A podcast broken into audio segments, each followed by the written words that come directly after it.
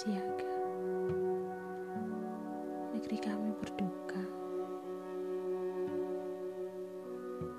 Sekolah-sekolah diliburkan. Perkuliahan ditetapkan kuliah jarak jauh. Perkantoran disarankan untuk bekerja dari rumah.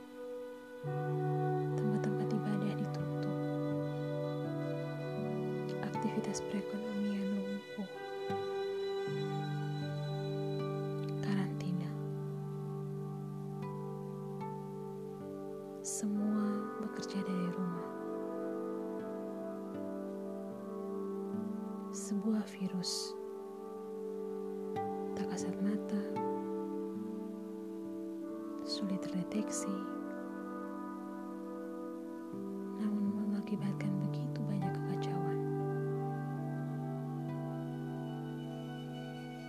Semua bertanya, bagaimana ini dan bagaimana dengan begitu?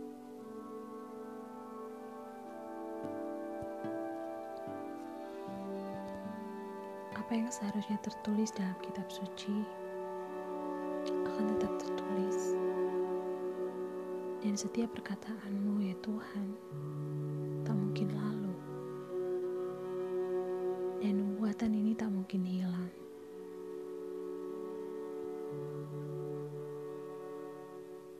Namun, bagaimana dengan hari-hari hidup kami ini yang harus kami lalui? Pertanyaan setiap orang. Ke depan akan seperti apa? Beratkah? Dapatkah kita melewatinya? Haruskah kita takut? Bagaimana kita merespon ini semua? Bagaimana dengan aku, dia, mereka, orang-orang yang kita sayang? Semua orang bertanya, kapan virus ini berlalu? Setiap orang yang di rumah saja tentu menunggu akan kabar datangnya kabar baik. Saya rasa jawabannya ada dua. Kapan virus itu berlalu? Yang pertama, ketika penderita kasus baru akibat COVID-19 ini sudah tidak ditemukan lagi. Dan penderita yang lama berangsur-angsur pulih. Bahkan angka kematian mendekati angka nol. Itu kemungkinan pertama.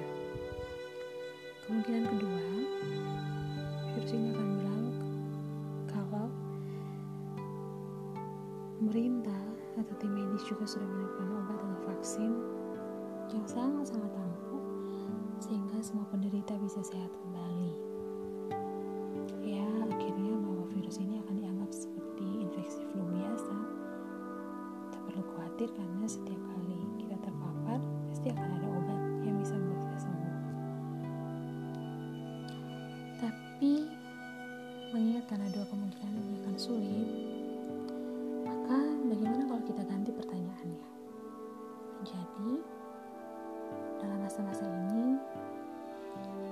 jangan kita lagi bertanya kapan virus ini akan berlalu. Namun mari kita ganti pertanyaannya dengan apa yang dikehendaki Tuhan untuk kita menjalani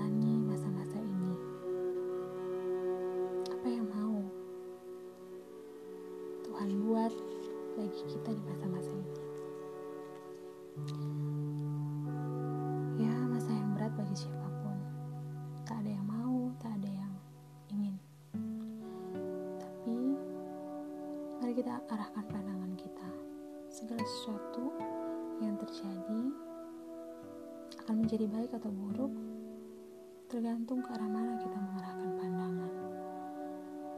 Ketika mata kita mengarahkan pandangan ke sekeliling, ke dunia ini, kita hanya akan menemukan sisi mencekam situasi dan wajah-wajah penuh kecemasan, kekhawatiran akan bayang-bayang maut yang siap mengambil kapan saja.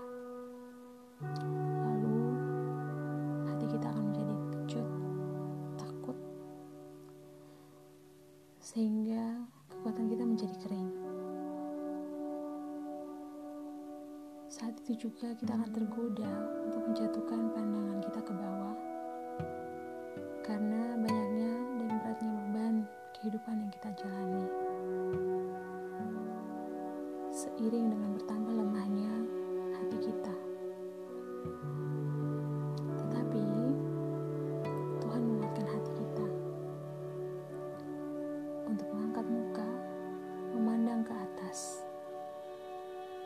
Karena dari sanalah sumber kekuatan kita.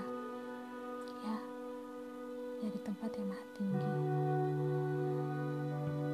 Dan kemudian bukan saja wajah dan pandangan kita yang terangkat, namun tangan kita akan terangkat dan menaikkan kepada Allah sambil berserah.